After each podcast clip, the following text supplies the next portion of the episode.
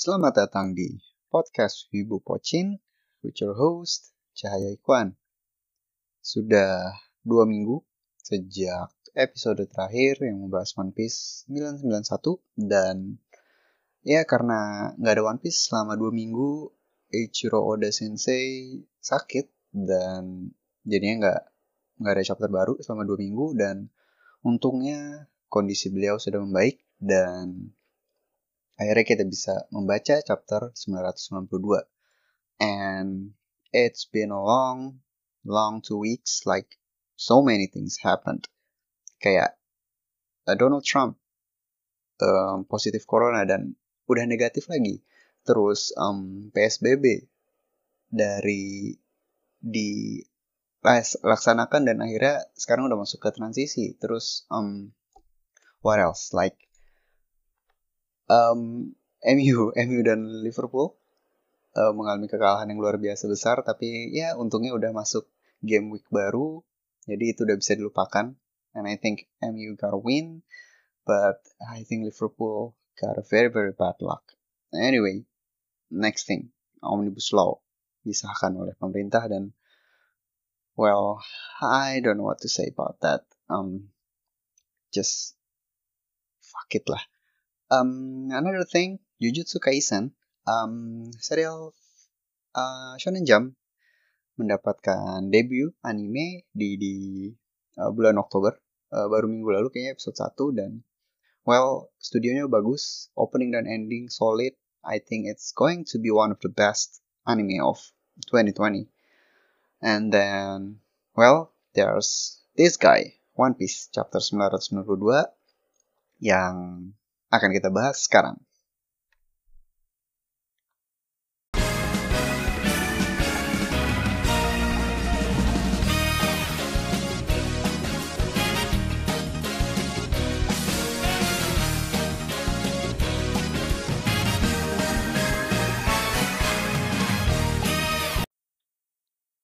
One Piece chapter 992 dengan judul Remnants di uh, social media One Piece, di Instagram, di Twitter, campaign yang mereka sebut A Thousand Locks uh, masih berjalan dan sesuai dugaan, urutannya akan dicocokkan dengan nomor urutan bergabungnya para kru Straw Hat. Kali ini postingannya adalah angka 8 dengan menunjukkan Frankie. Dan juga nampaknya momen yang diambil atau screenshot dari karakter yang diambil kayaknya itu adalah momen di saat mereka bergabung. Jadi ini Frankie-nya yang benar masih di Enies Lobby yang pre timescape. Um, Brook juga kalau nggak salah mestinya sih well, I mean, dia tengkorak kayak nggak ada bedanya sama yang sekarang sama yang dulu. Uh, juga kostum waktu dia di um, Thriller Bark. Berarti minggu depan uh, Thousand Locks akan menunjukkan angka 7 dan krunya adalah Nico Robin. Selain itu, uh, kita bahas ini dulu ya, cover dari Shonen Jump. Jadi di majalah Shonen Jump minggu ini menampilkan gambar Luffy dan Yamato. Yang bisa kita bahas adalah color scheme dari Yamato akhirnya diungkap. Color scheme ini tentunya sebenarnya gimana ya?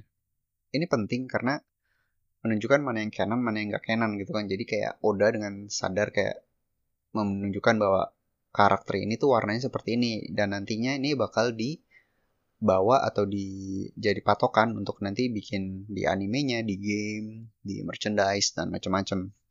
Dan lebih penting lagi untuk para artis fan art yang pada bikin fan art dan lain-lain biar lebih uh, konsisten dan lebih apa ya lebih otentik lah gitu. Jadi kalau Yamato telah diungkap, jadi rambutnya itu putih, terus ujungnya itu ada gradasi warna hijau teal ya, teal gue nggak tahu teal teal yang kayak hijau muda gitu. Matanya berwarna coklat dan tanduknya berwarna merah. Ngomong-ngomong tanduk merah, yang punya tanduk merah selain Yamato adalah Black Maria. So, apakah ada sesuatu di balik itu? I don't know. Apalagi Black Maria di chapternya juga um, cukup misterius. Anyway, uh, gue bisa bilang tanduk sama Black Maria itu merah karena color scheme dia juga sudah diungkap di cover Tankobon atau jilid One Piece yang paling baru di Jepang, volume 97. Di, di cover itu kan ada Luffy, Kid, dan Lau, terus di atasnya ada uh, kayak uh, mark shot atau headshot dari masing-masing uh, Flying Six atau Tobiropo gitu. Uh, that's about the cover. Dari Shonen Jump cover. Dan kita masuk dulu ke color spread dari chapter 992. Temanya kru Mugiwara sedang piknik di kereta laut. Kereta lautnya warna-warni gitu, pelangi. Um, yang yang paling kelihatan adalah uh, buat gue ya, gue langsung melihat pedangnya Zoro, di mana sudah bukan Sushui lagi, tapi sudah pakai Enma, yaitu pedang warisan dari Oden. Um, selain itu juga di belakang Jinbei, jadi situ udah kan udah komplit krunya dan ini adalah uh, color spread kedua di mana Jinbei bergabung. Tapi ternyata ada satu lagi yang bergabung di belakang dia um, beruang beruang hitam, pipinya ada warna merah-merah. Dan sebenarnya gue yakin kalian udah sering lihat si maskot ini dari dari berbagai postingan internet banyak meme-nya juga kalau kalian ingat meme yang si maskot ini uh, sedang sedang berpose dan di belakangnya ada kayak kayu kayu yang ditumpuk terus dibakar kebakaran gede gitu. Kalau nggak salah meme yang why for the glory of Satan of course. Uh, kalau nggak salah itu meme udah udah udah lima tahun 10 tahun lalu kayaknya udah lama sih. Dan ya dia tidak lain tidak bukan adalah Kumamon maskot dari prefektur Kumamoto di negara Jepang jadi uh, Jepang itu punya tradisi yang cukup unik gitu ya, culture yang cukup unik. Jadi tiap prefektur, tiap daerah itu punya maskot sendiri-sendiri dan maskot itu lucu-lucu. Jadi imut-imut ada yang beruang, kucing, binatang, ada yang binatang, ada yang benda mati. Kalau nggak salah ada yang es krim, kalau nggak salah bentuknya aneh-aneh lah dan dan lucu-lucu gitu. Kumamon ini salah satu yang paling terkenal karena well desainnya unik dan um, prefektur Kumamoto sendiri memang ada program di mana mereka nge-push si Kumamon ini dan juga fak apa faktor sektor pariwisatanya ke dunia gitu atau ke Jepang. Jadi memang programnya sukses lah kalau dicek di Wikipedia mereka bisa generate like a few billions yen uh, dalam beberapa tahun dan itu keren banget sih. Dan makanya si Kumamon ini uh, populer banget. Another fact is that Kumamoto adalah kampung halaman dari Eiichiro Oda Sensei. Jadi uh, dan dan sebelumnya Oda Sensei juga sudah berkolaborasi dengan daerah ini. Itu tuh tahun 2016. Tapi pada saat itu momen kolaborasinya adalah karena pada tahun 2016 terjadi gempa berskala 7, 7 skala Richter dan menewaskan ratusan orang.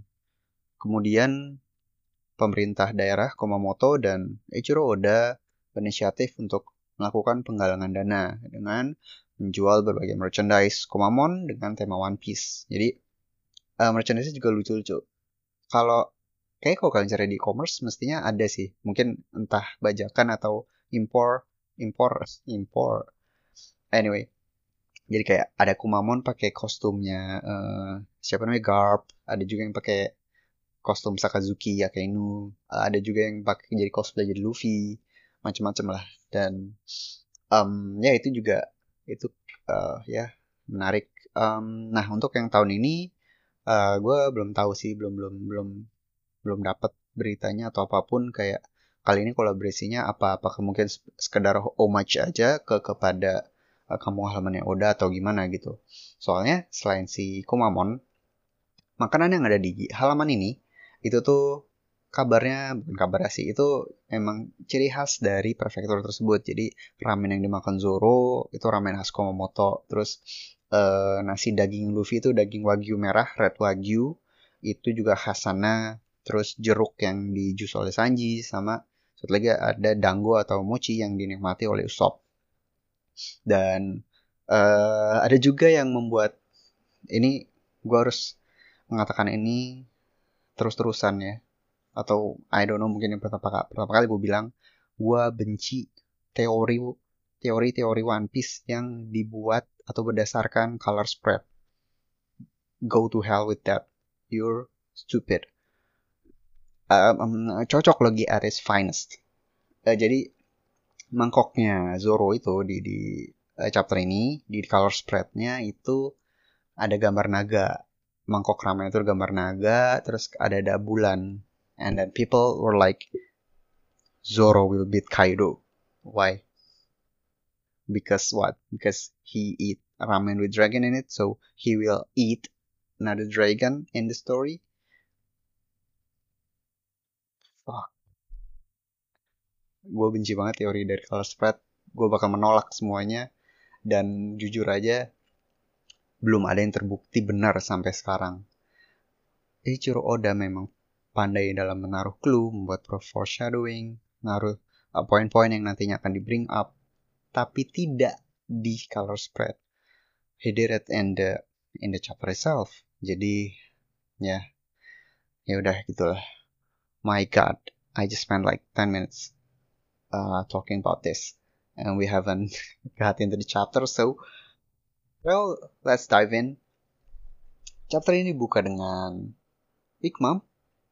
Uh, kita lihat Big Mom, ternyata dia gulung-gulungnya ke pintu depan dari Onigashima. Dan dia bertemu dengan Perospero. Jadi Big Mom jelasin bahwa kesepakatan ini tuh gue yang bikin gitu kan. Karena sebelumnya Perospero dan yang lain pada bingung kan. Kok tiba-tiba uh, Big Mom beraliansi dengan Kaido gitu. Dikonfirm sama Big Mom klarifikasi dan Perospero sendiri, sendiri juga kayak yang um, tapi kan kita mau mama jadi raja bajak laut gitu kan. Uh, dan kayak Big Mom iya iya. Benar kok. Kalian kalian percaya aja lah sama sama gue gitu kan. Dan well Peros mau apa gitu maksudnya. Kalau ditentang eh gak, gak mungkin juga. Ya kan di dia Whole Cake Island kita lihat semua kru Big Mom mana ada yang berani sama dia gitu kan. Dan well dia akhirnya nurut dan di apa namanya dan dan kalau dari uh, poin itu ya yang gue tangkap adalah memang ada teori bahwa nantinya Big Mom akan mengkhianati Kaido atau kebalikannya. Dan ini memperkuat hal tersebut karena Big Mom tidak menyangkal bahwa dia masih ingin jadi raja bajak laut dan raja bajak laut cuma ada satu. Jadi there there got to be a point where they must split up gitu kan dan mungkin saja poin itu akan terjadi di Arkwano ini gitu kan. So ya yeah. um, untuk sementara Perspero bergabung dengan Big Mom uh, sengaja udah sendiri lagi Big Mom karena yang lain masih di dasar laut So, tentu saja selain selain Perospero kita tahu yang bersama dia sebelum ini adalah Marco. Dan ternyata Marco memang berniat untuk kerjasama dengan Peros dengan tujuan untuk menyingkirkan uh, demons yang mereka sebut sebagai uh, menyingkirkan Kaido yang mereka sebut sebagai demon. Cuman karena well ternyata um, Big Mom bekerja sama dengan Kaido dengan dengan sadar gitu kan bukan di bawah tekanan atau ancaman, akhirnya ya aliansi ini langsung berakhir sebelum dimulai dan well percakapan berikutnya cukup kriptik jadi sebenarnya cukup bingung apa yang akan terjadi uh, tapi yang jelas Marco sama Perospero udah done. Nah cuman setelah done itu kayak langsung nggak jadi nggak langsung hostile juga sih Peros dan Big Mom ke Marco malah menurut gue Big Mom is being very very respectful ke ke Marco gitu. Kayak yang, hey Marco, um, masa orang kayak lu mau sih bantuin bocah-bocah kayak gitu, bocah-bocah itu refer ke Luffy dan dan kawan-kawan gitu kan. Dan uh, dia juga kayak jadi sisa-sisa bajak laut Shirohige jadi segini jadi kayak gini doang nih apa uh, turun ke level seperti ini nih dan Well, um, poin itu dibalas oleh Marco dengan statement yang I don't know, it's interesting at at best, at least um, bahwa bahwa dia bilang kayak um, sorry sorry Big Mom lo lo harus paham dulu apa yang dimaksud dengan remnants atau sisa-sisa seperti di di isi chapter ini gitu kan judul chapter ini. Dia bilang bahwa sekarang uh, Pops uh, ayah kan mereka manggilnya Whitebeard ayah sudah tiada dan kami sudah tidak terikat oleh kata-kata dia, oleh perintah dia. Dan gini kami sudah bebas. Bebasnya dikasih quote unquote gitu kan. And Big Mom juga kayak, oh well, do as you please. Cuman mukanya sih kayak garang banget gitu. Jadi um, Pero sendiri juga kayak nyantai nggak kayak langsung yang wah kita musuh sama Marco dia nggak bilang apa-apa sih kayak nyantai doang and itu membuat ya gue gue buat gue bingung sih. Maksudnya apa yang akan terjadi berikutnya? Apakah Big Mom akan melawan uh, Marco gitu kan? Big Mom dan harus melawan Marco. Um, atau Big Mom akan fokus balik lagi buat ngejar Luffy dan yang lain. Tapi kalau kayak gitu uh, Marco kan berada di pihak Luffy pasti dia pengen menghalangi itu kan? Karena dia pengen uh, memastikan bahwa Luffy bisa sampai ke Kaido. Jadi um, ini sangat-sangat mungkin terjadi. Ditambah lagi karena um, Carrot gitu kan di, di pas di scene ada panel berikutnya ternyata Carrot mengenali Peros gitu kan dan dan langsung mengejar dia. Terus si Wanda ngikut kan. Kata Wanda e, mau ke mana Carrot? Dan Carrot kan oh gue aku mau balas balas sama Pedro. Gue nemu pembunuhnya dan gue nggak bakal lupa sama mukanya gitu dan well seperti yang kita tahu di Whole Cake Island Pedro tewas saat menggunakan bom bunuh diri untuk menyelamatkan Luffy dan kawan-kawan dari cengkeraman Big Mom. Lebih tepatnya Perospero pada waktu itu. Akibat dari bom tersebut, Pedro meninggal, uh, well Luffy bisa kabur. Perospero sendiri kehilangan masing-masing tangan dan kakinya, satu. Tapi dia menggunakan kekuatan buah iblisnya untuk membuat tangan dan kaki palsu gitu uh, prostetik kayak kayak si Aokiji gitu kan. Kalau nggak salah Aokiji udah nggak ada udah nggak ada kakinya tuh cuma dia pakai S gitu kan. Gitu. So um, nah karena ini gue gue mungkin ya uh, apakah Carrot dan Marco akan melawan Peros dan Big Mom? Cuman tetap nggak match ya maksudnya Yonko ngelawan satu Yonko Commander kurang scale up sedangkan Peros sendiri uh, menurut gue selevel Yonko Commander dan Carrot well dia rookie ya Mings yang yang masih kecil gitu kan. Um, setelah itu well untuk transisi ke scene berikutnya kita melihat Luffy yang masih melaju menuju atap sambil dibukakan jalan oleh para samurai. Dia terlihat sendiri tapi sebenarnya kalau uh, kalian lihat ya di balik balon dialognya Luffy itu ada kelihatan sosok yang pakai baju hitam pakai jas ada jenggotnya. Tentu saja itu adalah Sanji yang memang chapter lalu uh, nemenin Luffy gitu. Jadi tinggal mereka berdua kan yang jalan bareng yang lain udah pada mencar. Ada yang dikejar ulti ada yang eh, nggak tahu ke mana Frankie juga keluar. Terus um, Zoro sama Drake menghadang si si uh, Apo kan. Jadi masih mereka dua yang jalan um, nanti bakal di setup sih nanti menurut gue uh, fightnya Sanji nih entah dengan siapa gitu and well setelah ini kita akan pindah dulu ke scene berikutnya uh, transisi dari scene awal ke apa ya momen utama dari chapter ini.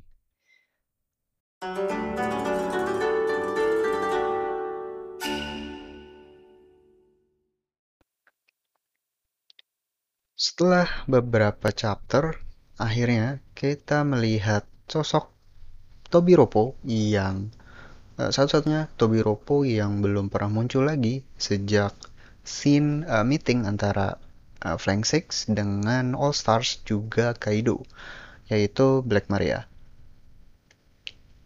Tobiropo yang uh, tubuhnya hampir seukuran giant, soalnya dia sepadan dengan dengan Kaido ternyata sedang bersembunyi dan bersantai di area perjamuan yang tertutup dari tempat lain.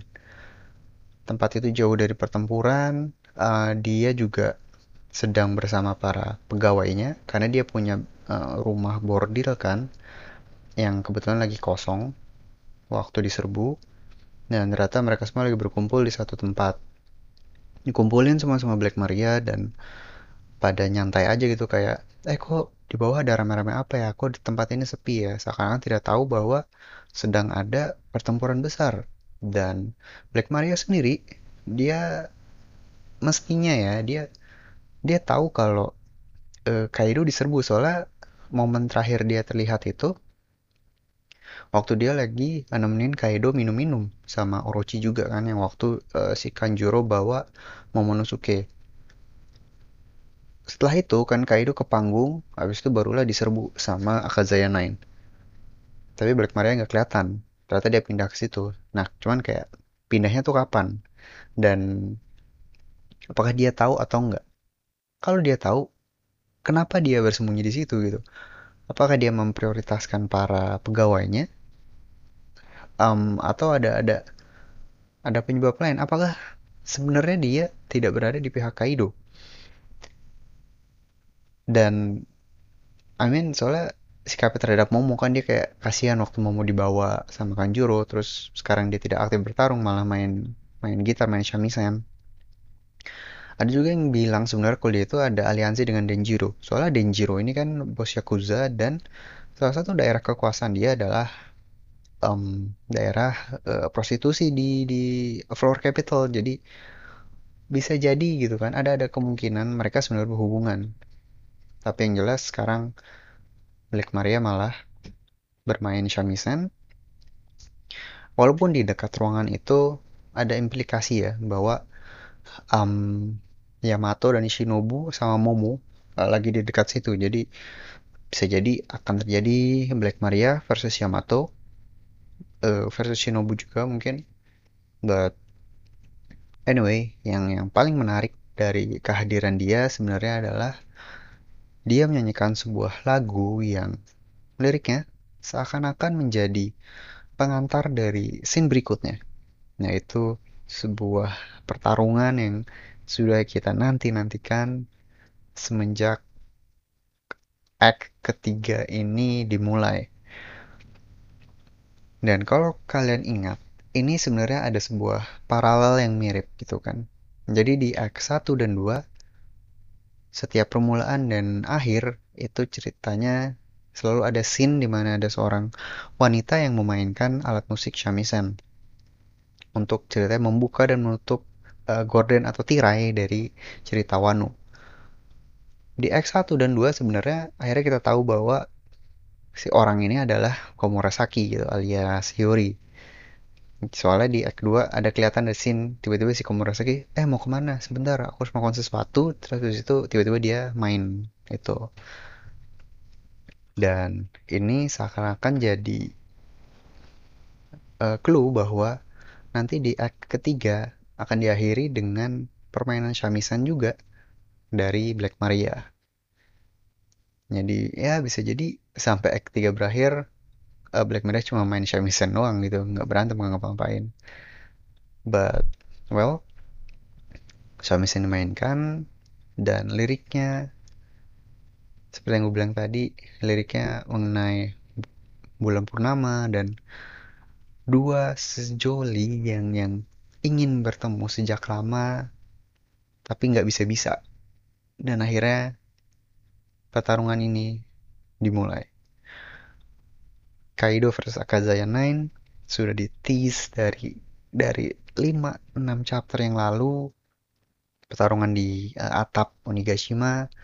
Uh, awalnya ada pertarungan dengan Jack dulu ada reveal Sulong ada Jacknya kalah lagi dan well akhirnya Kaido turun tangan. The battle begins dan the art is beautiful. Jadi um, empat halaman itu kan double ya, double double spread, double page. Layoutnya cukup unik untuk ukuran One Piece sekalipun. Jadi uh, yang yang spread pertama kan kayak miring gitu ya, uh, kayak apa ya? Kayak roti tawar di belah dua tapi miring gitu tau kan? Jadi di di atas ada Kazaya Nine dan di bawah ada Kaido. Terus uh, double page yang kedua agak cukup uh, chaotic gitu kan. Pokoknya Kaido melancarkan serangan ternyata eh, apa ya raungan auman dari dari Kaido itu bisa jadi petir dan mereka menghindar. Dan di sini masing-masing dari Akazaya Nine melakukan ya dia mereka showcasing uh, jurus-jurus mereka. Dan hampir kayak absen sih sebenarnya jadi satu-satu pamer kekuatan mereka untuk uh, buat gue menunjukkan bahwa bukan cuma Kinemon yang bisa memberikan damage kepada uh, Kaido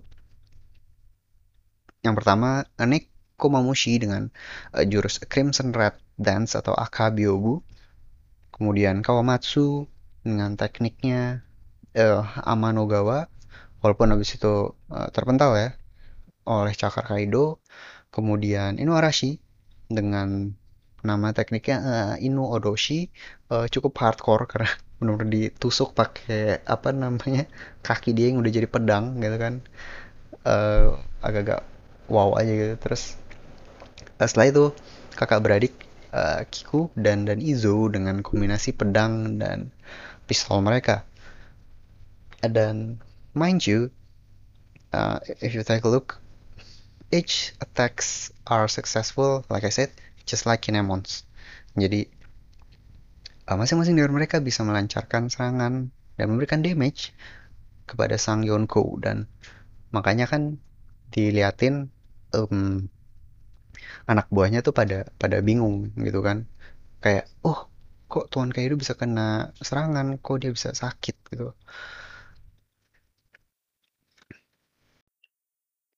Dan sebelum lanjut ada uh, exchange yang nggak tahu ya menurut gue bisa jadi meme. Jadi Kaido kan komen ya uh, wow their sword skills are nothing like Oden but why can they hurt me?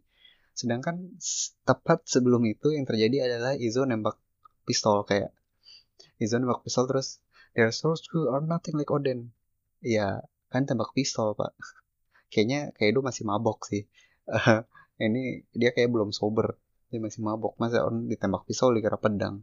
Mabok memang. But anyway di tengah kebingungan itu kan karena kenapa serangan pada kena semua dia mengeluarkan Boro Breath lagi dan well masih ada satu Akazaya yang mengeluarkan serangan. So Raizo ternyata punya ninjutsu yang kuat banget. I mean dia bisa mengcounter uh, serangan Boro Breath ditahan semua terus dibalikin lagi ke Kaido. Um a very powerful uh, attack in my opinion. And uh, ini ini menurut gua sih menurut gua ini buah kemungkinan ini apa ya namanya? Kemampuan buah iblis. Karena uh, dia bilangnya ini maki-maki no jutsu. Uh, maki kan sebenarnya gulung. Dan dia emang pakai gulungan kan gulungan. Pakai scroll ninja gitu. Cuman karena dia bilangnya maki-maki kan jadi kayak buah iblis kan penamaannya selalu gitu ya gomu-gomu. Apalagi uh, merah-merah. Terus ya ini maki-maki. Jadi gak tahu ya. Mungkin ini buah iblisnya Raizo atau bukan I don't know tapi bisa jadi anyway Akazaya yang belum belum absen gitu kan uh, tiba-tiba melakukan sebuah pose di balik uh, asap dan ada secuil uh, pedang yang sudah dilapisi oleh haki. Terus tiba-tiba kita masuk ke sebuah flashback. Flashback yang melibatkan tuan mereka yaitu Oden. Jadi ternyata dari dulu Oden itu selalu berusaha ngajarin style bertarung andalan dia yaitu uh, the two sword style alias Oden Itoryu kepada para pengikutnya tapi ternyata nggak ada yang nggak ada yang mau dengerin pada nggak sudi dan mereka semua mau menjadi hebat dengan teknik sendiri terus dia curhat kan ke Toki eh, kenapa sih pada nggak mau belajar Odenitorio kan ini keren banget. Dan uh, Toki dijelasin jadi uh, gini loh yang mereka semua pengen jadi returner kamu yang paling kuat. Dan mereka nggak nggak nggak terima kalau di apa namanya menjadi kuat dengan diajarin kamu. Jadi soalnya kayak bayangin aja ini menurut gue bisa dimengerti. Jadi kalau kalau lu diajarin sama Oden sama bos lu sendiri terus lu jadi hebat nanti menurut gue sih lu bakal dikatain curang sama yang lain. Karena nggak fair gitu kan. Eh, kalian harus jadi mereka harus jadi kuat dengan cara sendiri gitu. Karena mereka semua bersaing. Jadi kalau misalkan bisa bilang juga kalau satu diajarin, diajarin Oden semuanya harus belajar gitu kan. Nggak fair. Jadi akhirnya mereka semua udah sepakat gue nggak mau kami nggak mau diajarin sama Oden. Dan setelah itu ada satu flashback lagi ternyata selain Nitoryu dia juga mau ngajarin Ryuo Ryuo ini uh, sebagai reminder adalah uh, sebuah bentuk dari armamen haki uh, alias buso shoku di mana serangannya bisa kayak dialirkan gitu bisa jarak jauh atau lebih tepatnya bisa merusak dari dalam ini kan teknik yang diajari atau di, di diajari oleh kakek Hyo kepada Luffy dan ini adalah uh, basis dari apa yang akan membuat Luffy jadi lebih kuat dan bisa melancarkan serangan yang efektif kepada Kaido nantinya. Jadi ternyata Oden juga ngajarin Ryo, oh, cuman pada nggak dengerin. Jadi kayak, eh jadi kalau kalian pakai Ryo itu terus ternyata pada ditinggalin gitu kan. Terus pada, oh dengerin gua dong. Tapi ternyata faktanya berkata lain antara flashback dengan yang kita lihat karena dengan pedang yang berlapis Haki Ryuo, Kinemon, Ashura, Denjiro, dan Inuarashi memperagakan kuda-kuda yang tidak asing lagi di mata mereka dan di mata Kaido. Mereka mengeluarkan Ryo, mereka mengeluarkan kuda-kuda Oden Nitoryu, dan melancarkan teknik yang digunakan oleh Oden 20 tahun yang lalu untuk melukai Kaido mereka mengeluarkan Oden Nitoryu, Togen, Totsuka. That's the end of the chapter. They strike at this very same spot um, with with Oden strike 20 years ago and I think that's just beautiful. End of chapter. Dan yang akan gue bahas adalah jadi maksud dari flashback para Akazayanan ini uh, apa gitu. So, karena kan kesannya terbalik gitu ya. Uh, diajarin Oden Itaru nggak mau, diajarin Ryo oh nggak denger. Tapi faktanya mereka berempat menggunakan Oden Itorio dan mengeluarkan Togen Totsuka. Uh, teknik dari Oden gitu. His very own technique. So, what happened? Jadi, untuk yang alasan um, Oden Itorio menurut gue udah cukup jelas sih mereka mengabaikan ajaran Nitoryu karena memang ingin mengejar teknik sendiri yang ditunjukkan di uh, showcase oleh setengah dari Akazaya 9 yang terlihat di pertengahan chapter kan? Uh, Nekomamushi, uh, Kiku, um, Kawamatsu, sama Raizo, uh, sama Izo juga. Jadi di situ cukup jelas. Dan Kinemon sendiri pun sudah menunjukkan fire style dia kan di chapter sebelumnya. Gitu. Jadi uh, it's clear bahwa mereka masih punya teknik sendiri. Yang kedua uh, mereka juga mengabaikan ajaran mengenai Ryuo tapi sekali lagi kalau untuk memberikan damage kepada Kaido lu nggak bisa pakai haki biasa. Kalian harus menguasai teknik Ryuo dan inilah maksudnya kenapa jadi bisa gitu kan. Jadi yang gue tangkap adalah mereka kan udah mengikuti Oden bertahun-tahun. Bahkan uh, Denjiro sama Kinemon tuh dari dari remaja kan dari kecil mereka jadi pengikut setia mereka hidup bareng dan bertarung macem-macem jadi um, yang terjadi adalah tanpa mereka belajar langsung atau diajarin karena mereka sangat mengagumi, they look up to him so much. Selalu mengikuti gerak-gerik Oden, selalu bertarung bersama bertahun-tahun. Jadi tanpa perlu belajar, tanpa perlu diajarin, semua teknik, semua gerakan Oden telah terpatri di dalam ingatan dan hati mereka. Jadi saat diajarin Rio nggak dengerin, bukan nggak dengerin.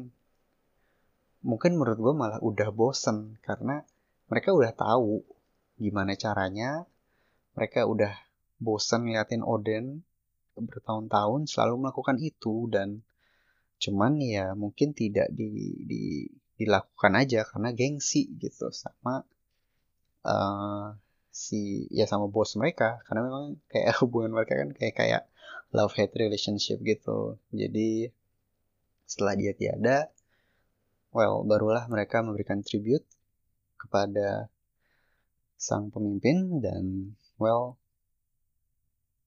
they they did it. Togen Totsuka and well Kaido is having a big big damage. So yep. Um 992 sudah berakhir. 8 chapters to go to chapter 1000 and so um, um, um, um what's next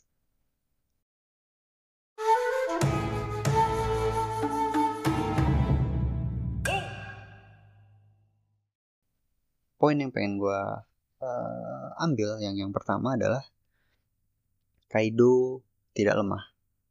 Oke kan kayak di kayak ini kayak chapternya dan sebelumnya kan kayak dibully gitu ya sama Akazaya Nine yang yang notabene bukan cuma karakter sampingan, bukan Luffy, bukan Lau, bukan siapa Zoro atau I don't know terus bisa saja dia kena damage seperti itu. Apakah Kaido lebih lemah daripada Big Mom? Well one thing is for sure. Um legendanya Kaido itu bukannya dia tidak terkalahkan. Ingat dia gak bisa mati. Legendanya itu kan dia ditangkap angkatan laut berapa puluh kali. Dia dihukum mati berapa belas kali artinya dia sudah tertangkap dia sudah kalah Cuman kan kayak legendanya saat dipenggal apa namanya gilotinnya patah, saat ditusuk pedangnya peot atau apalah segala macam. So sekali lagi he's not undefeatable. He just cannot die. Dan itu that means something. Maksudnya that kalau di game he's a tank gitu. HP-nya tebel banget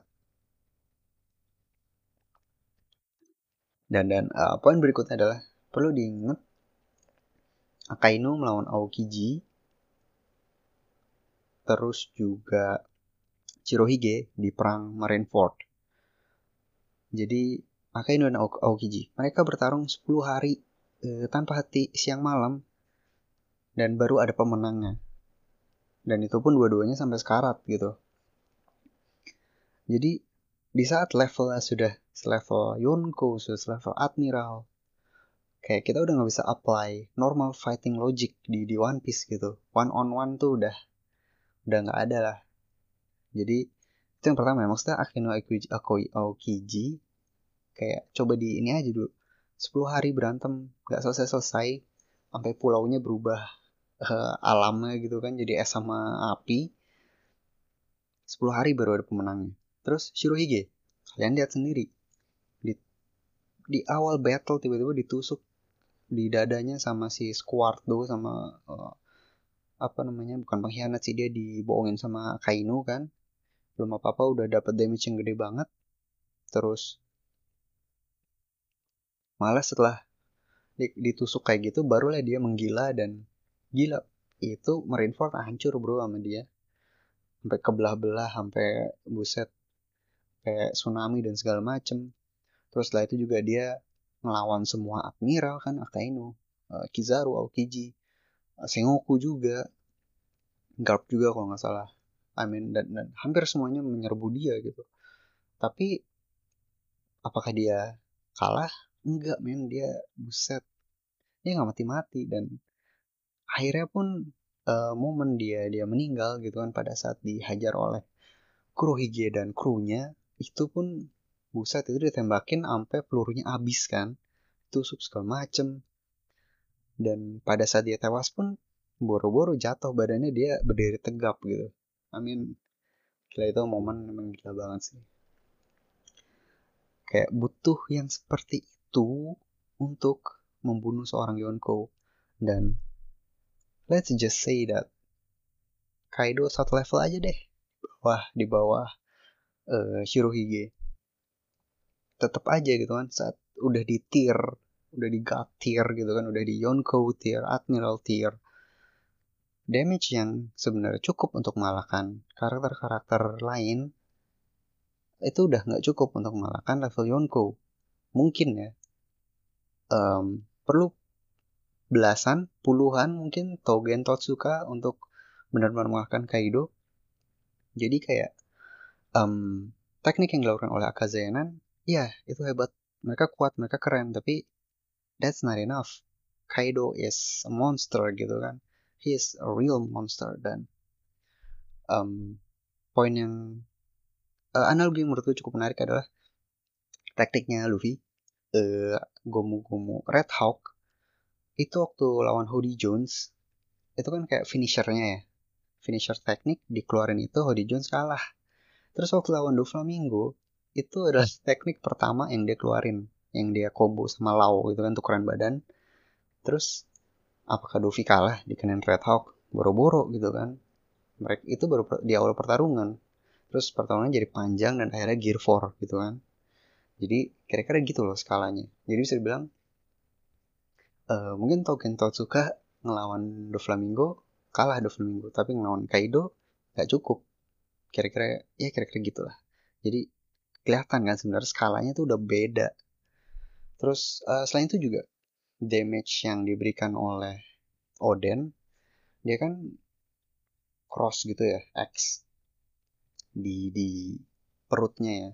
Di perutnya Kaido itu kan apa ya cross cross itu kan gimana ya?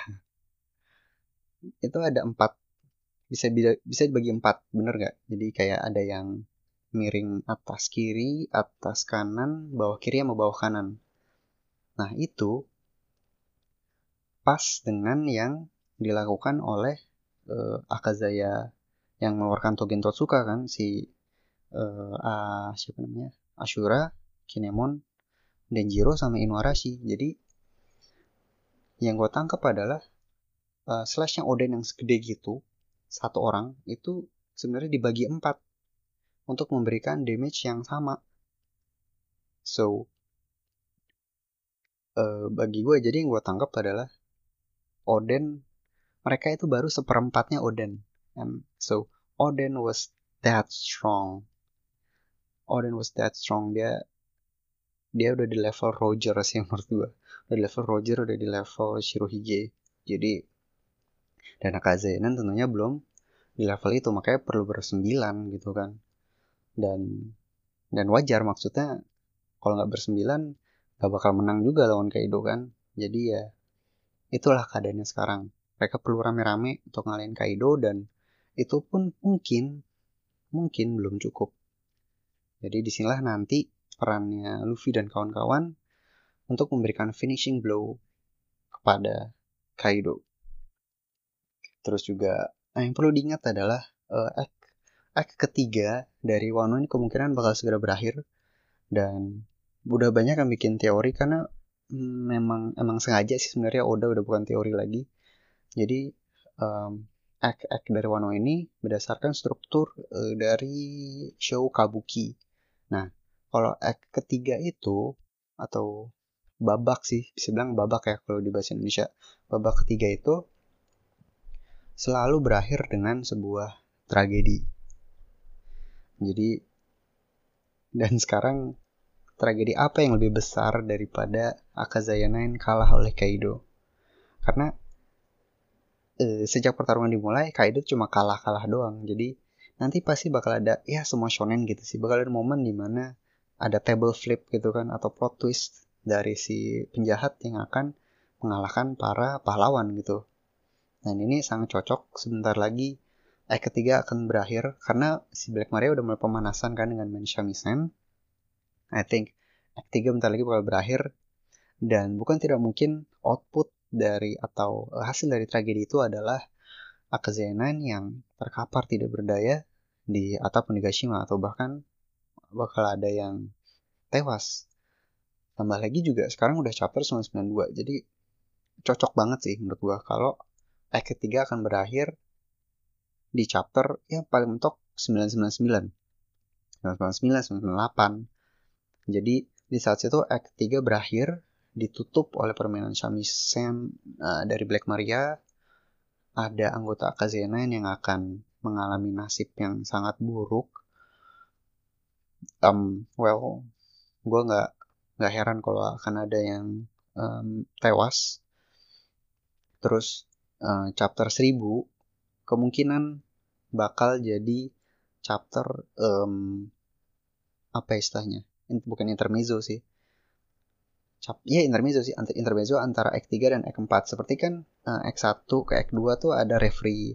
Act 2 ketiga juga ada referee plus ini momen rapat admiral kan yang ada unboxing bounty-nya Parionko nah ini juga gue yakin akan terjadi hal tersebut karena memang di di chapter-chapter One Piece yang kayak angkanya bulat itu selalu ada reveal gede gitu.